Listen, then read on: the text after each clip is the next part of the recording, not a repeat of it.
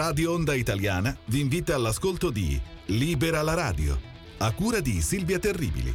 Informazione, musica e cultura italiana.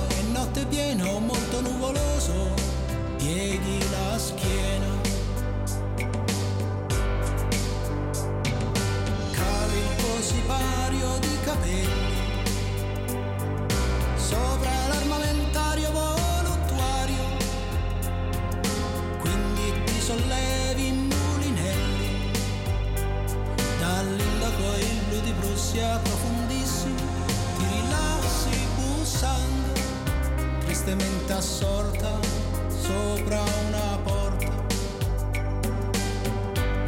che non c'è per niente, la spingi che era aperta. Mi racconti come un capogiro di fatti posti pieni di respiro.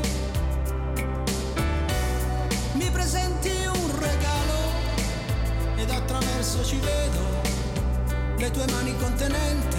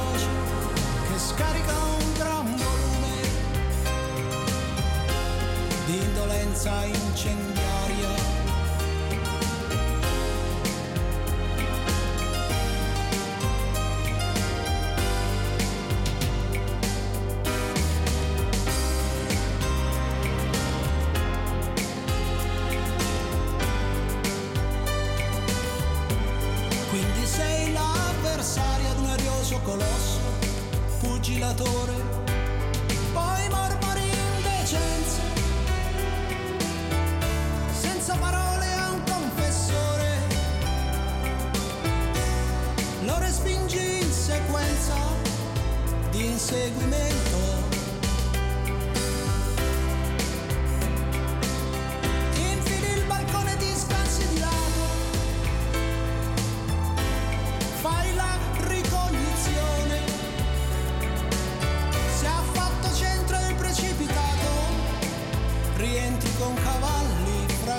yes,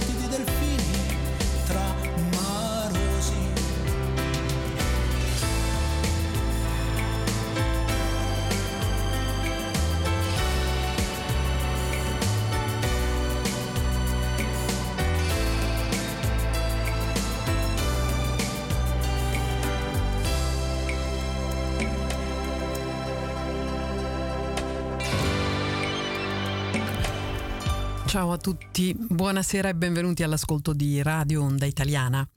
Questa è Libera la Radio da Amsterdam, questa sera in studio Silvia Terribili e tra poco ci collegheremo con un ospite molto particolare. Si tratta di Franco Fracassi, è un giornalista d'inchiesta che ho avuto um, il piacere di intervistare quest'estate e abbiamo parlato dei misteri di Wuhan e anche del libro che Franco Fracassi ha scritto dedicato proprio ai misteri di Wuhan, un libro dedicato agli oltre 3 milioni di morti e alle 7 miliardi e mezzo di vittime della follia umana. La pandemia da SARS-CoV-2 è frutto dei troppi dottor Stranamore che popolano questo pianeta. I colpevoli andrebbero processati e condannati. Il meccanismo messo in moto dalla sete di potere va fermato altrimenti questo virus non sarà che il primo fra tanti. Eh, il male si combatte solo conoscendone l'origine e mh, mm, proprio l'intestazione del, del, libro cita una frase di, del procuratore capo durante il processo di Norimberga Robert Hagwout Jackson. I torti che cerchiamo di condannare e punire sono stati così calcolati, così maligni e così devastanti che la civiltà non può tollerare che vengano ignorati perché non può sopravvivere a loro ripetersi. E quindi tra poco incontreremo Franco Faracassi e parleremo in particolare delle ultime interviste che Franco ha fatto a Joseph Tritto. Chi è Joseph Tritto? Non, non se ne parla molto perché chi dice delle cose intelligenti eh, o viene attaccato eh, o viene infangato oppure viene spesso ignorato. È il caso di Joseph Stritto. Ha scritto un libro veramente sconvolgente, Cina Covid-19, Covid-19, la chimera che ha cambiato il mondo. Il libro è uscito nel 2021 ma praticamente è stato ignorato. Joseph Tritto comunque non è l'ultimo arrivato, eh? Medico e ricercatore italiano, da anni lavora all'estero, principalmente a Parigi, Londra e New York. È visiting professor di microchirurgia e microtecnologia all'Eston University di Birmingham. È micro e nanotecnologie presso il BEB, Brunel University di Londra. Direttore di nanomedicina all'Amity University di New Delhi. India, coordinatore internazionale di Human Nanobiosomes Technology eccetera, un curriculum veramente molto, eh, molto denso, molto interessante, molto eh, rilevante, molto internazionale. Eh, il libro è, è, veramente sconvolgente, ma le interviste che Franco ha fatto di recente al professor Tritto lo sono ancora di più. Io ho ascoltato le ultime e veramente ho detto ma qua ci sono ancora delle ulteriori novità rispetto alle, alle cose sconvolgenti che già ci sono in questo libro per esempio, um, Joseph Tritto parla del blackout mediatico e scientifico sulla verità di ciò che è accaduto a Wuhan e dice che va letto come un tentativo disperato sia da parte cinese che di una parte della comunità scientifica occidentale di preservare la possibilità dell'uso delle metodologie gain of function. Queste sono parole veramente pesantissime e poi ancora, ma ripeto, il libro è pieno per me di sottolineature, di, di, di, di commenti perché veramente sconvolgente. È scritto da una persona che chiaramente non si può definire un complottista, eccetera. Eh, a questo punto è legittimo porsi una domanda. Dove si sono incontrati esattamente il virus del pipistrello e quello del pangolino per creare un tale tipo di fusione ricombinazione ancestrale. Ehm, come abbiamo visto, l'inserto PRRA fra S1 e S2, queste sono le parti tecniche che però vengono spiegate molto bene nel libro, gioca un ruolo chiave nel processo di creazione del sito di clivaggio della furina. Ecco, questo è un elemento molto importante, ma perché questo inserto entri a far parte del genoma del SARS-CoV-2 avrebbe dovu- avuto bisogno di un ospite intermedio, ospite che non è mai stato scoperto e classificato. Ci ascoltiamo un brano musicale e poi passiamo, passiamo a, al nostro Franco.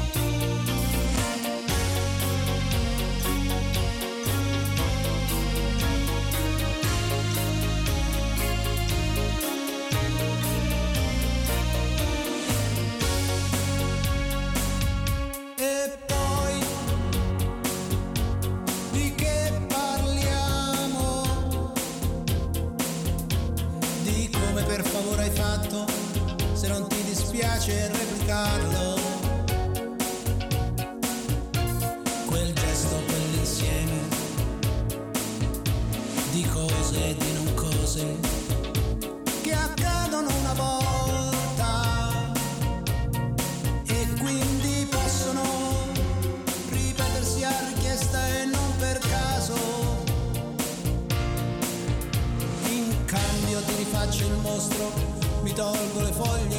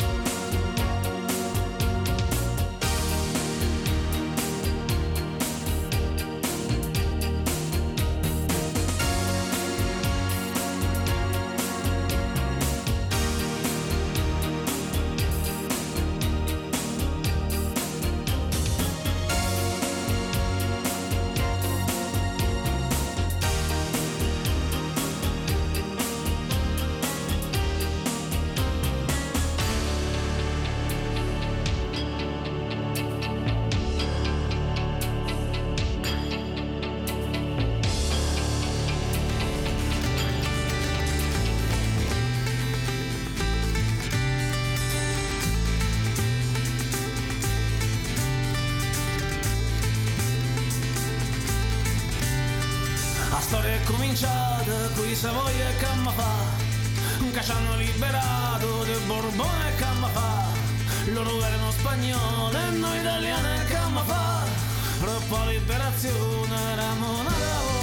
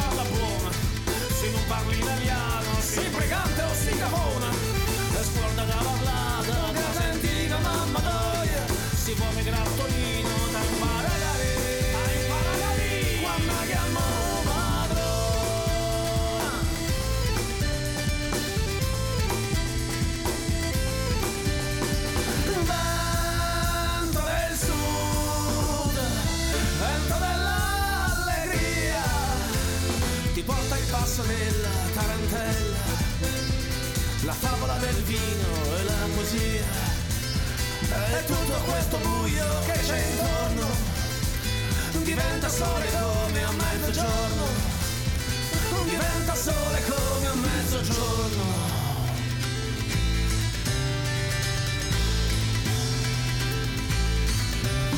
La storia è cominciata, la storia non fermisce più. Così mai tutto sud. E passano cent'anni, ma non passa mai antica. La guerra tutti i giorni, va trova fatica. Va trova fatica.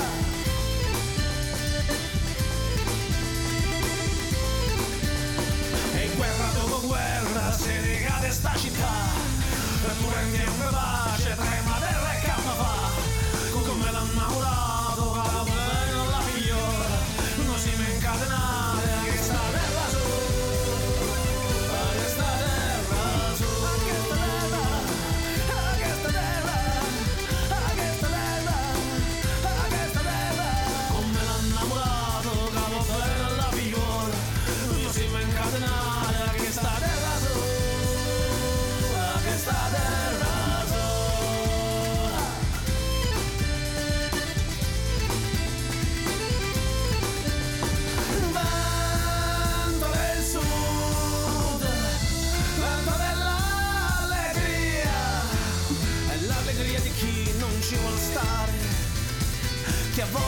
di rialzarsi e di cambiare.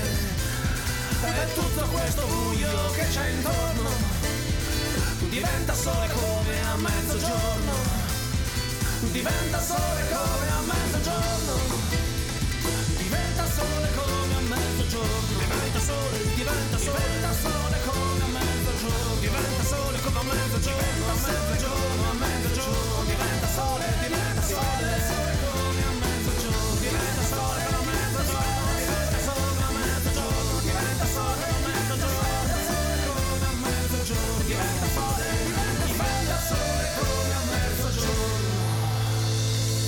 questo era Vento del Sud, una canzone di Eugenio Bennato e Carlo D'Angiò.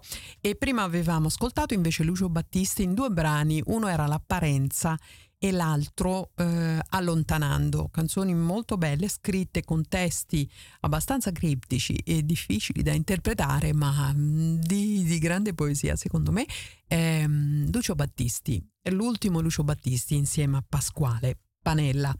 E ora, prima di collegarci con Franco Fracassi, vi vorrei far ascoltare i Radio Dervish in centro del mondo.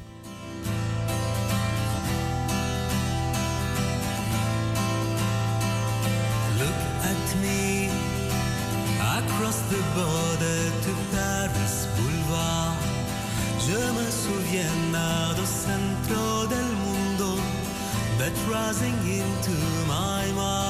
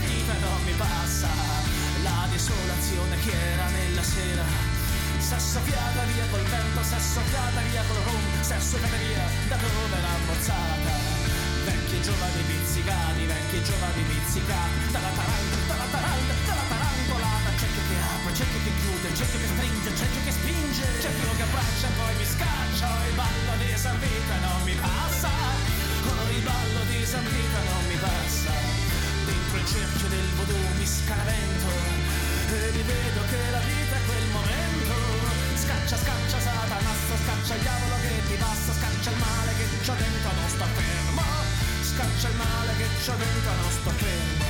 A noi due balliamo la danza delle spade, fino allo squarcio rosso d'alba. Nessuno che mi aspetta, nessuno che mi aspetta,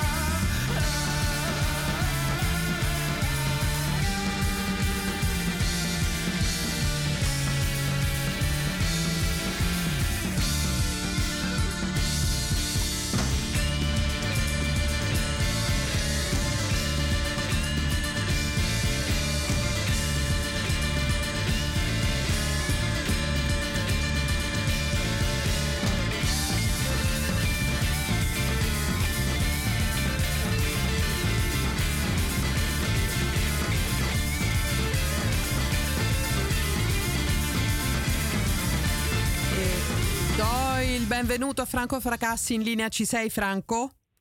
Sì. Eh, buonasera. buonasera. grazie, grazie che sei qui con noi stasera a Radio Onda Italiana. E, beh, io ti, intanto ti devo ringraziare per queste interviste meravigliose, che, no, meravigliose, sconvolgenti con Joseph Tritto. Io, Che non mm, sono finite. che non sono finché sono solo iniziate. Io avevo letto il suo libro Cina Covid-19, la chimera che ha cambiato il mondo, ero rimasta veramente eh, sconvolta. Però poi ho sentito un silenzio veramente incredibile, cioè proprio vero che quando una persona mh, che ha un, un curriculum vitae, insomma, di tutto rispetto, che lavora all'estero, che mh, insomma, che veramente ha qualcosa da dire, scrive libri di questo tipo, poi viene o attaccata oppure eh, se, eh, se non sono in grado di contraddirla viene silenziata. Questa è la sensazione che ho avuto eh, rispetto al libro Cina Covid. Ma eh, io vorrei chiederti eh, innanzitutto quali sono gli elementi, cioè ci sono tanti elementi importanti, ma forse il, il più importante è proprio questo, il virus è di origine naturale oppure no? No, no, no, no, assolutamente no. Nel senso che oramai è una cosa conclamata, non so come dire. Eh, sarebbe pura fantasia sostenere il contrario. Perfino lo stesso Fauci, che è uno dei, diciamo, degli, non dei creatori diretti, ma insomma uno dei mecenati che hanno permesso la creazione di questo virus attraverso il, ehm, eh, l'NIH, che sarebbe il suo istituto eh, ehm, nazionale di, di- di sanità statunitense, e perfino se Fauci l'ha ammesso, cioè non- ma esistono i documenti, cioè, il problema non è che si fanno, si fanno supposizioni in un senso o nell'altro. Esiste una vastissima, ehm, una, una vastissima eh, documentazione. bibliografia, documentazione, mm. prodotta dalle stesse persone che l'hanno creato, quindi non fatta di persone che suppongono. Chi mm. ha creato il virus ha prodotto un'enorme documentazione, tutta pubblica, tutta accessibile, in cui viene raccontato come è stato creato il virus e che cos'è questo virus creato, molto semplicemente. E trattasi di un'arma, né più né meno, cioè è un, un'arma eh, esattamente come un'arma, un cannone, un aereo, una bomba atomica, una cosa del genere, è un'arma creata dal Ministero della Difesa statunitense e dal Ministero della Difesa cinese insieme. Questo è il Covid-19. E, in particolare mi hanno colpito queste frasi che ha detto il professor eh, Tritto. Eh, il protagonista principale è, è, è Dastak, Peter Dastak, è presidente della Eco Health Alliance e praticamente lui ha presentato un progetto. Um, Tritto dice proprio così: vogliamo creare un super coronavirus patogeno che vogliamo spruzzare nelle grotte del, dello Yunnan, nelle grotte del sud della, della Cina, per vedere che effetto fa sui pipistrelli. Quindi questo era il progetto originario che è stato presentato al Pentagono, se ho capito bene dall'intervista. Sì, è stato presentato al Pentagono perché si tratta di progetto militare, però in realtà questo diciamo, è la copertina del progetto, non il progetto in sé. Il progetto in sé è fare la stessa cosa sugli esseri umani, tant'è vero che lui, lo stesso Tassak, si vanta apertamente in un articolo pubblicato su riviste scientifiche, quindi mh, mm, non so come dire, quasi qui siamo alla follia, si vanta di aver creato questo era intorno al 2016, di aver creato un coronavirus in grado di infettare tante persone, tanti esseri umani in modo abbastanza rapido. Era un, per lui un successo, cioè aveva creato un'arma di, eh, non di sterminio, però insomma un'arma potentissima contro il genere umano e lui era felicissimo di questo. Sì. Ci ha fatto i congressi, andava a raccontare la cosa, guardate che, che cosa bella che ho fatto. Mi sembra, e e abbiamo, abbiamo a che fare con una categoria di scienziati che sono, non saprei, sono il dottor Stranamore, gente eh, che, sta, che, è a metà strada tra gli scienziati nazisti e quelli, cioè, sono son folli, non hanno idea di che cosa, o forse hanno benissimo idea di che cosa stanno facendo. Ma la, co- la, cosa strana è che eh, lui lo presenta quindi prima al, uh, ai militari, mm, poi la, sì. la, la, DARPA dice è scientificamente valido ma è troppo pericoloso. Quindi lui si rivolge a Fauci e poi alla fine si fa dare i soldi praticamente e, e Fauci eh, gli dà i soldi dal, dall'alto dell'NIH gli dà i soldi degli americani, dei contribuenti americani sì. per portare avanti questo progetto. Ma io mi domando, cioè, al di là di quelli che ovviamente ci guadagnano gli scienziati, gli stranamore, ma io non credo che, che cioè, gli americani non... Come si fa? Chi? Chi è a conoscenza di, questi, di queste cose? Come fa a tacere? Come fa a non dire niente? Di fronte a questa guerra mondiale che, che, che è stata scatenata dal virus e che poi continua perché stiamo andando avanti. Beh, sono in tanti a conoscenza, perché tutti quelli che hanno avuto a che fare con questa storia sono a conoscenza. E, il problema adesso, eh, parlando di un tema totalmente differente, però chi è a conoscenza l'11 settembre, perché non si è fatto avanti? Perché dopo vent'anni, eh, in realtà ci sono quelli che sono fatti avanti, però insomma... È, è, mm, però vedi, è ancora più grande... Riuscito, se qualcuno è riuscito a concepire quell'orrore, non, non, ha problemi a concepirne un altro e soprattutto... Ma stiamo allargando in... la scala in maniera, in maniera, spaventosa. Sì, sì, ma soprattutto infatti in nome della scienza, cioè questo è il punto. Noi creiamo, noi progrediamo nella scienza per progredire nella scienza, cioè è una cosa fine a se stessa. No? Se uno sì. crea l'arma fine del mondo, che ancora non esiste, però mettiamo che uno decidesse di lavorare all'arma fine del mondo, per questo genere di scienziati è la ricerca del, della vita, nel senso eh, sono in grado, cioè il fatto che l'essere umano sia in grado di creare qualcosa di nuovo, magari anche qualcosa di devastante, ma sempre qualcosa di nuovo è. Sì, la domanda e, è quella... Eh, loro ragionano così. Eh, Com'è possibile che io non posso credere che ci siano tante persone in grado di accettare questo? Perché...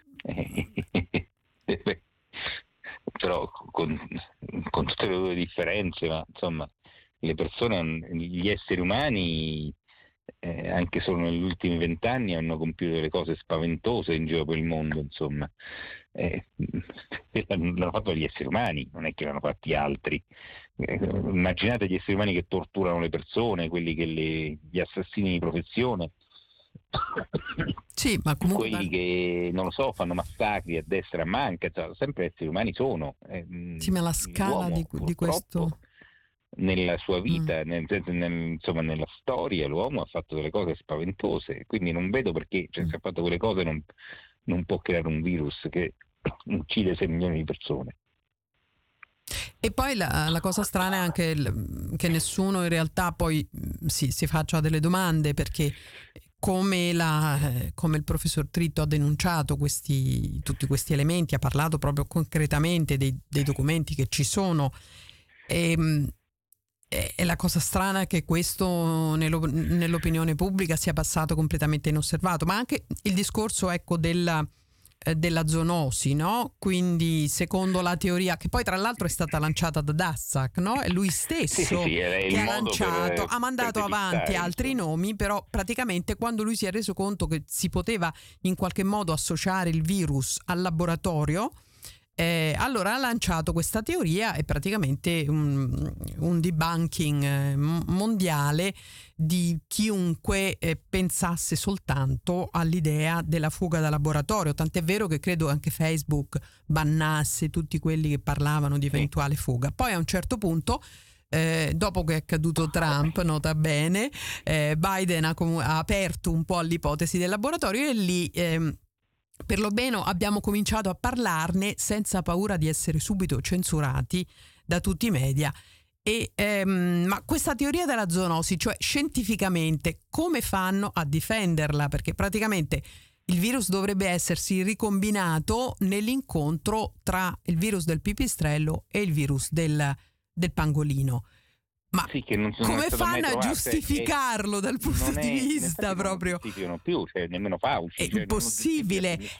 C'è un ospite intermedio. In Italia che sono insomma una categoria a parte, adesso non so in Olanda o in altri posti, però... Eh, No, ma anche in Olanda diciamo, c'è un silenzio totale, veramente. Io eh, cerco di intervistare non, non esperti provo, provo a intervistare. Sono passati due anni, migliaia sì. di scienziati di tutto il mondo hanno dato la caccia al pangolino e non l'hanno trovato, cioè non esiste. Cioè, oramai sì. la scienza l'ha, sì. l'ha creato in tutti i modi, non esiste la rimane intermedio perché semplicemente non è avvenuto in questa maniera.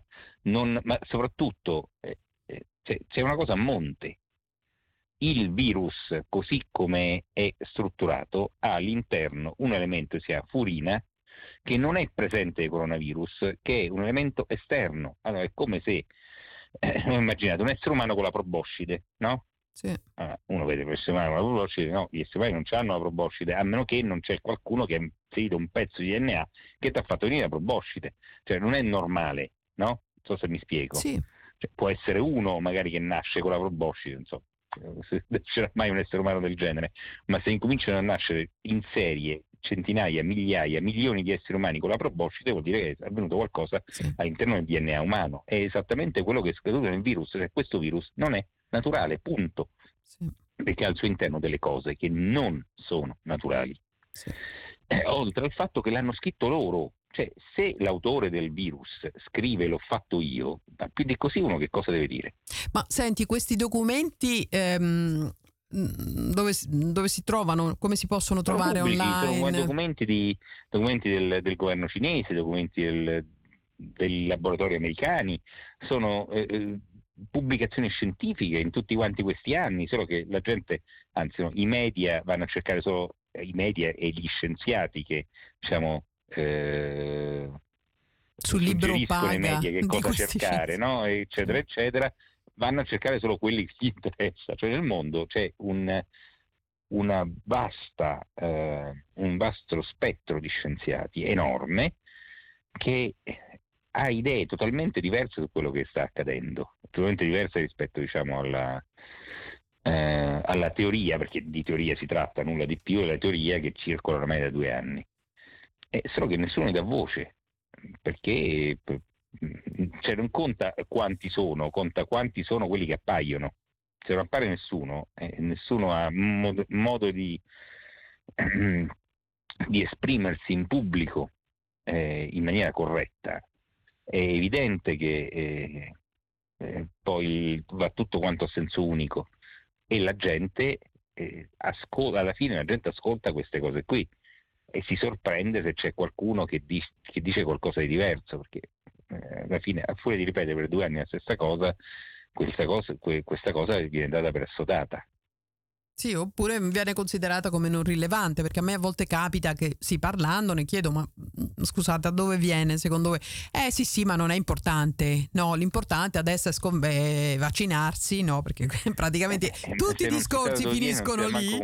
L'importante è quello perché così ne usciamo fuori, così ci salviamo, basta, fine. E altre cose, non so da dove viene, ma non mi interessa. Questo è quello che io sento eh, ogni, ogni giorno. Punto e, il punto è che ehm, l'origine, se posso, l'origine è fondamentale per combatterlo. Allora, eh, non è una cosa scientifica, ma anche una cosa basica. Un, c'è un film che ovviamente in questi ultimi due anni è ricircolato tantissimo di Soderbergh che si chiama Contagion. Sì. Mm, magari è, insomma, è un film americano, insomma, molto famoso, del 2010 credo. Eh, però ovviamente quando è scoppiata la pandemia tra Netflix e gli altri hanno rimandato tutti quanti i canali perché è diventato di nuovo di grande successo, dove c'è questo virus che si sparge in tutto il mondo e il modo per risolverlo è mandano gli scienziati a ricostruire dove è arrivato questo virus. Quando lo scoprono riescono anche a guarire le persone, perché quando uno scopre la fonte capisce anche il meccanismo di diffusione del virus e quindi riesce, riescono a guarire le persone.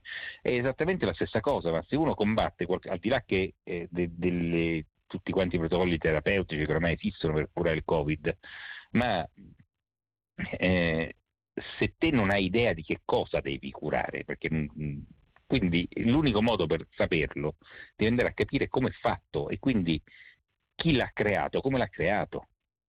Se Anche perché potrebbe continuare cosa, a lavorarci e crearne di nuovi, a questo punto non sì, possiamo più essere sicuri di nulla. qualcosa che non c'è, può cercare per, per secoli e non trovare la soluzione mentre invece se, se, essendo un virus creato, gli esseri umani che l'hanno creato sanno benissimo come funziona e quindi magari come, come liberarsene, no?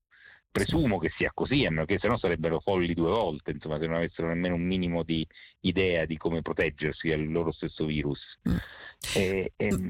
ma senti, eh, non c'è nessuno che pensa mai di interrogare eh, Dastak, no? Proprio non ci pensa no. nessuno. No, ma non è strano? Eh, è stranissimo, però è così. Cioè, non, ne, nemmeno troppo strano, perché ormai mi cioè, sono è una persona com- perlomeno informata dei fatti, no? Non so, ormai mi sono abituato che negli ultimi 20-30 mm. anni accadono cose spaventose mm. in giro per il mondo e eh, diciamo l'umanità invece di, o l'umanità che, ha, che può avere un qualche potere per incidere, per risolvere queste cose, invece di guardare la Luna guarda sempre il dito. Questa è una cosa proprio costante oramai degli ultimi decenni. E, e quindi diciamo che il, non mi sorprendo più se c'è nessuno che cerca qualche cosa, se c'è nessuno che si interessa ai reali colpevoli. Non è la prima volta. Ma anche per sapere, cioè voglio dire, partiamo dal presupposto sì. che, non, che, non, è vero, ma lo volete almeno interrogare Dastak? Questo è in giro tranquillo, continua a fare tutti i suoi esperimenti. Sì, ma mica solo lui, cioè, c'è una lunga sì. lista di scienziati che... Ma hanno... lui naturalmente è, è, un punto di riferimento perché il suo sì, progetto... Cioè, adesso, adesso, faccio i nomi di scienziati che credo che ai più non dicano assolutamente nulla. Baric, c'è cioè lo stesso Fauci. Sì, sì, sì, ma infatti quello è il triangolo degli stranamore, Baric e la, e la Cisengli, ovviamente. Ce ne sono tanti. Sì, sì, ma anche in Europa, anche in Olanda. Sì, sì, sì, sì. Anche in Olanda. Anche perché la tecnica per la mh, creazione del virus è una tecnica olandese. Cioè la, la, la, la, scienziata cinese che ha creato questa cosa che si chiama Xi Jinping è venuta in Olanda ad apprenderla. Sì, ha imparato qui. Ma qui ovviamente no, l'Olanda è, cioè se parliamo di omertà, eh, L'Olanda in Olanda è totale. Non, non parla nessuno. Chi parla sono persone che proprio non sanno niente, non sanno niente e comunque dicono vabbè ma questa domanda non è interessante perché mi fai sta domanda? Non lo so non ci ho pensato. Cioè io ho provato veramente non dico a intervistare i virologi perché quelli non eh, sono non parlerebbero mai cioè vanno in tv a fare la propaganda vaccinatevi e state zitti ma non vogliono essere intervistati. Ma non ci sono neanche giornalisti d'inchiesta non No, ci sono degli, degli attivisti, ovviamente delle eh, organizzazioni che fanno informazione alternativa, ma mh, in quello che è il mainstream è assolutamente, ma, ma non interessa, cioè ti guardano, ti dicono sì, Sì, ma sì. perché me lo chiedi? Insomma, non mi- Certo, certo. è un elemento così irrile- irrilevante e questa è la cosa che mi colpisce di più, però evidentemente c'è una degenerazione a livello eh, proprio intellettivo, cognitivo, non lo so. Sì, ma non siamo più Ci abituati. sono dei blackout che non riusciamo a superare. La nostra società è una società che è, fatta per non porsi domande. Non siamo più abituati a essere curiosi e a voler eh, farsi domande su quello che ci circonda. Oramai siamo abituati a ricevere un'informazione preconfezionata e ad, a- diciamo, a- ad assumerla senza proferire parola. Questo è la nostra società così è fatta. Senti, visto che ci siamo, eh, Joseph Tritto ha anche parlato del vaccino, eh, cioè di quello che viene chiamato vaccino, ma in realtà è una, è una Sì, terapia genica. Soprattutto nella terza intervista, quella che dovrà ancora uscire. E lui qual è la sua posizione su questa terapia? E lui, su- nei confronti di questi farmaci, così li chiama, Ah, ecco, eh, sono farmaci. Sostiene che sono dei farmaci, eh, innanzitutto farmaci totalmente sperimentali, quindi eh, i cui effetti sono misteriosi. E mh, secondo, nella, nella- nella terza intervista eh, alla domanda, ehm, perché l'ho sentito dire un po' di volte e l'ho sempre presa come una specie di butad, no? il fatto che il vaccino possa interferire col DNA e cambiare, modificare il DNA delle persone. E a questa domanda gli ho detto no, no, eh, modifica il DNA delle persone. Peraltro fuori onda mi ha fatto vedere proprio i- i- le sequenze, cioè fisicamente mi ha fatto vedere le immagini dove si vede il DNA modificato. E- però sì, questo insomma, in- interagisce col DNA, lo modifica, con quali effetti non si sa, ehm, ma soprattutto produce scorie, cioè è tossico per la cellula. E poi non sappiamo neanche. elemento è, Mm. è immunode- eh, immunodeprime il- il- l'essere umano. Quindi Mm. è il motivo per cui si devono fare tanti vaccini, perché ogni Mm. vaccino in più che ti fai, le difese immunitarie scendono e quindi sei obbligato a fare un altro perché diventi sempre più debole nei confronti non solo di questo virus, ma nei confronti di qualsiasi cosa. Adesso io gliel'ho chiesto e lui ehm, mi ha detto che potrebbe essere, cioè che effettivamente potrebbe essere così. No, perché. Montagnier parlava di eh, presenza di un- una sequenza di, di AIDS, del virus dell'AIDS all'interno del, del Covid-19 e ehm, è uno degli elementi che fanno sì che il, ehm, eh, che il virus e quindi anche il vaccino che è costruito esattamente come il virus immunodeprimono le persone, Sì. quindi spingono verso l'immunodepressione. È spaventoso. Sì, E anche su questo punto, ovviamente, non- modifica il DNA con effetti imprevisti. Questo è quello che ci, il farmaco che ci stanno iniettando da un anno e mezzo a Mm. questa parte. Perché poi non si sa, per esempio, io a volte ho provato a chiedere, dico sì, ma qu- quanto tempo rimane nel corpo? Cioè, ce lo potete dire? Quanto tempo rimane? Perché non, non sa. è che resta nel braccio, no? L'effetto è Eh. sempre più, più breve. Mm. è, mm, L'effetto è sempre più breve, ma non è detto che mesi. vengano eliminati questi, eh, queste No, no, nanoparticelle. vengono Eh, eh, quello è il problema. Il momento non vengono eliminati. Eh, non sono efficaci, Loro ma rimangono. cioè, questo è il problema, rimangono nel corpo. certo, E magari si accumulano pure, non lo sappiamo. Dove vanno a finire? In che organi? Dove si depositano? Sono ovunque. Eh, eh, eh, queste domande non, non- non rispondono. non rispondono veramente. È una cosa incredibile. Eh, Senti, ma mh, lui che cosa suggerisce? Che cosa si può fare? Allora, Oltre a lui fare, insieme fare informazione in tutti i modi possibili, come ovviamente tu fai con, con i tuoi programmi, con i tuoi libri. No, E- là dell'informazione, Mm. eh, lu- lui ha, mh, insieme ad altri scienziati e degli, degli avvocati, insomma, mi si è messo pure a me in mezzo che cerco di coordinare la cosa, si sta cercando di portare una eh, denuncia all'AIA, al Tribunale Ah. Internazionale, Tribunale Penale Internazionale dell'AIA, per Sì. crimini contro umanità per chi Sì. ha prodotto il virus, per gli scienziati, accusando diciamo, gli scienziati che hanno prodotto il virus di questo reato. Sì. Quindi questo è quello che si sta cercando di fare. Che sarebbe già una buona cosa. Sì, insomma. sì, sì. E dopodiché sì, l'informazione è l'unica, l'informazione e la conoscenza, cioè, è l'unico modo per, per sì. E poter comunque, poi eh, ripeto, anche ehm, io a volte sento persone che sono assolutamente sì pro vaccinisti, dico vabbè venite in trasmissione, dai ne parliamo, mi spiegate, mi convi... No, sono, mi dicono cambia idea, eh, sei completamente, ti stai sb- sbagliando su tutto, però poi non vengono in trasmissione a difendere, a argomentare con i loro argomenti. Poi eh, fuggono. purtroppo. Questa è un po' purtroppo la realtà. Va bene Franco, tu allora adesso sei impegnato. eh, Quando uscirà la prossima intervista? Questa di cui mi stai parlando? Eh, la- Eh, l'aspetto, spero lun- lunedì prossimo. quindi la seguiremo su... Sei anche su YouTube? È su YouTube. L'intervista su YouTube, sì, la, la fa Oval su YouTube, Sì. certo. È un programma che conduci tu? eh, cioè, mm, Allora, Oppure- Oval è una, è una TV, un sito tedesco sì, eh, che ha avuto grande successo in Germania Sì. e ha deciso di aprire mm, una sua, mm, una sua diramazione, insomma, una cosa, una in Italia e l'altra in Francia.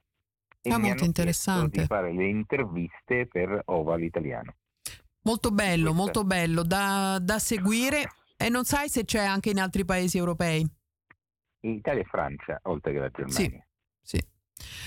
Lo seguiremo senz'altro. Eh, io devo chiudere purtroppo qui, però ti ringrazio e Prego. grazie per quello che stai facendo, Grazie per l'informazione che stai dando e eh, bisogna far Posso svegliare un po' la gente addormentata a livello mondiale.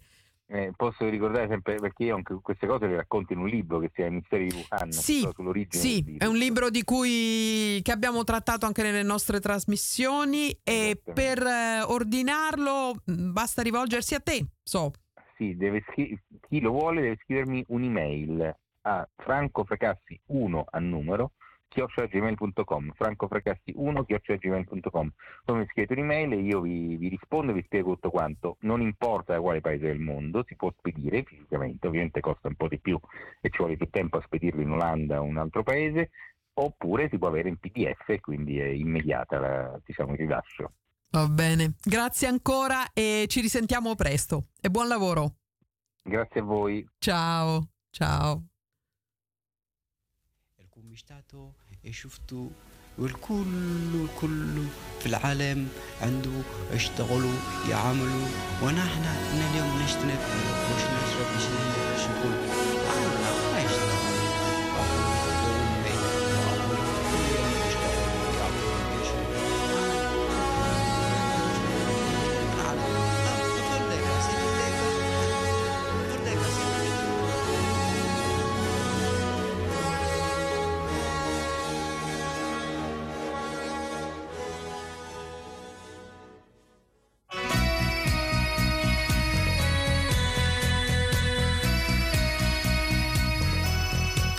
abbiamo ascoltato Franco Fracassi che ci ha parlato eh, dei misteri di Wuhan, delle interviste che ha fatto al professor Joseph Tritto.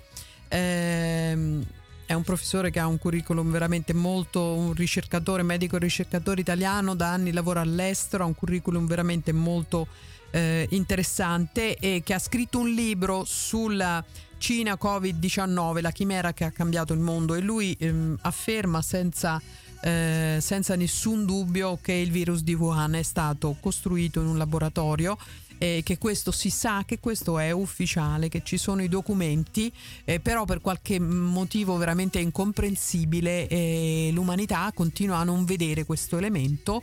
E, ehm, e, poi tra l'altro nell'ultima intervista che Franco Fracassi ha fatto a Joseph Tritto eh, il professore si pronuncia anche chiaramente contro um, eh, questo farmaco che viene utilizzato contro, eh, contro il virus che, ehm, i cui effetti a lungo termine sono ancora sconosciuti e i rischi ehm, per la salute de- dell'uomo eh, sono veramente non possono essere trascurati, non possono, eh, dovrebbero assolutamente essere approfonditi, conosciuti, studiati, cosa che in questo momento non sta avvenendo in nessun modo.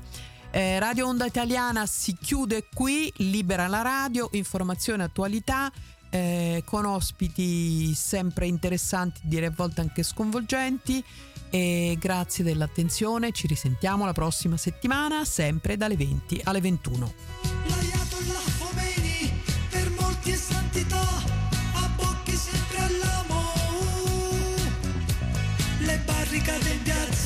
Fai per conto della borghesia che crea falsi miti di progresso. Chi vi credete che noi siamo? Per i capelli che portiamo, noi siamo delle lucciole che stanno nelle tenebre.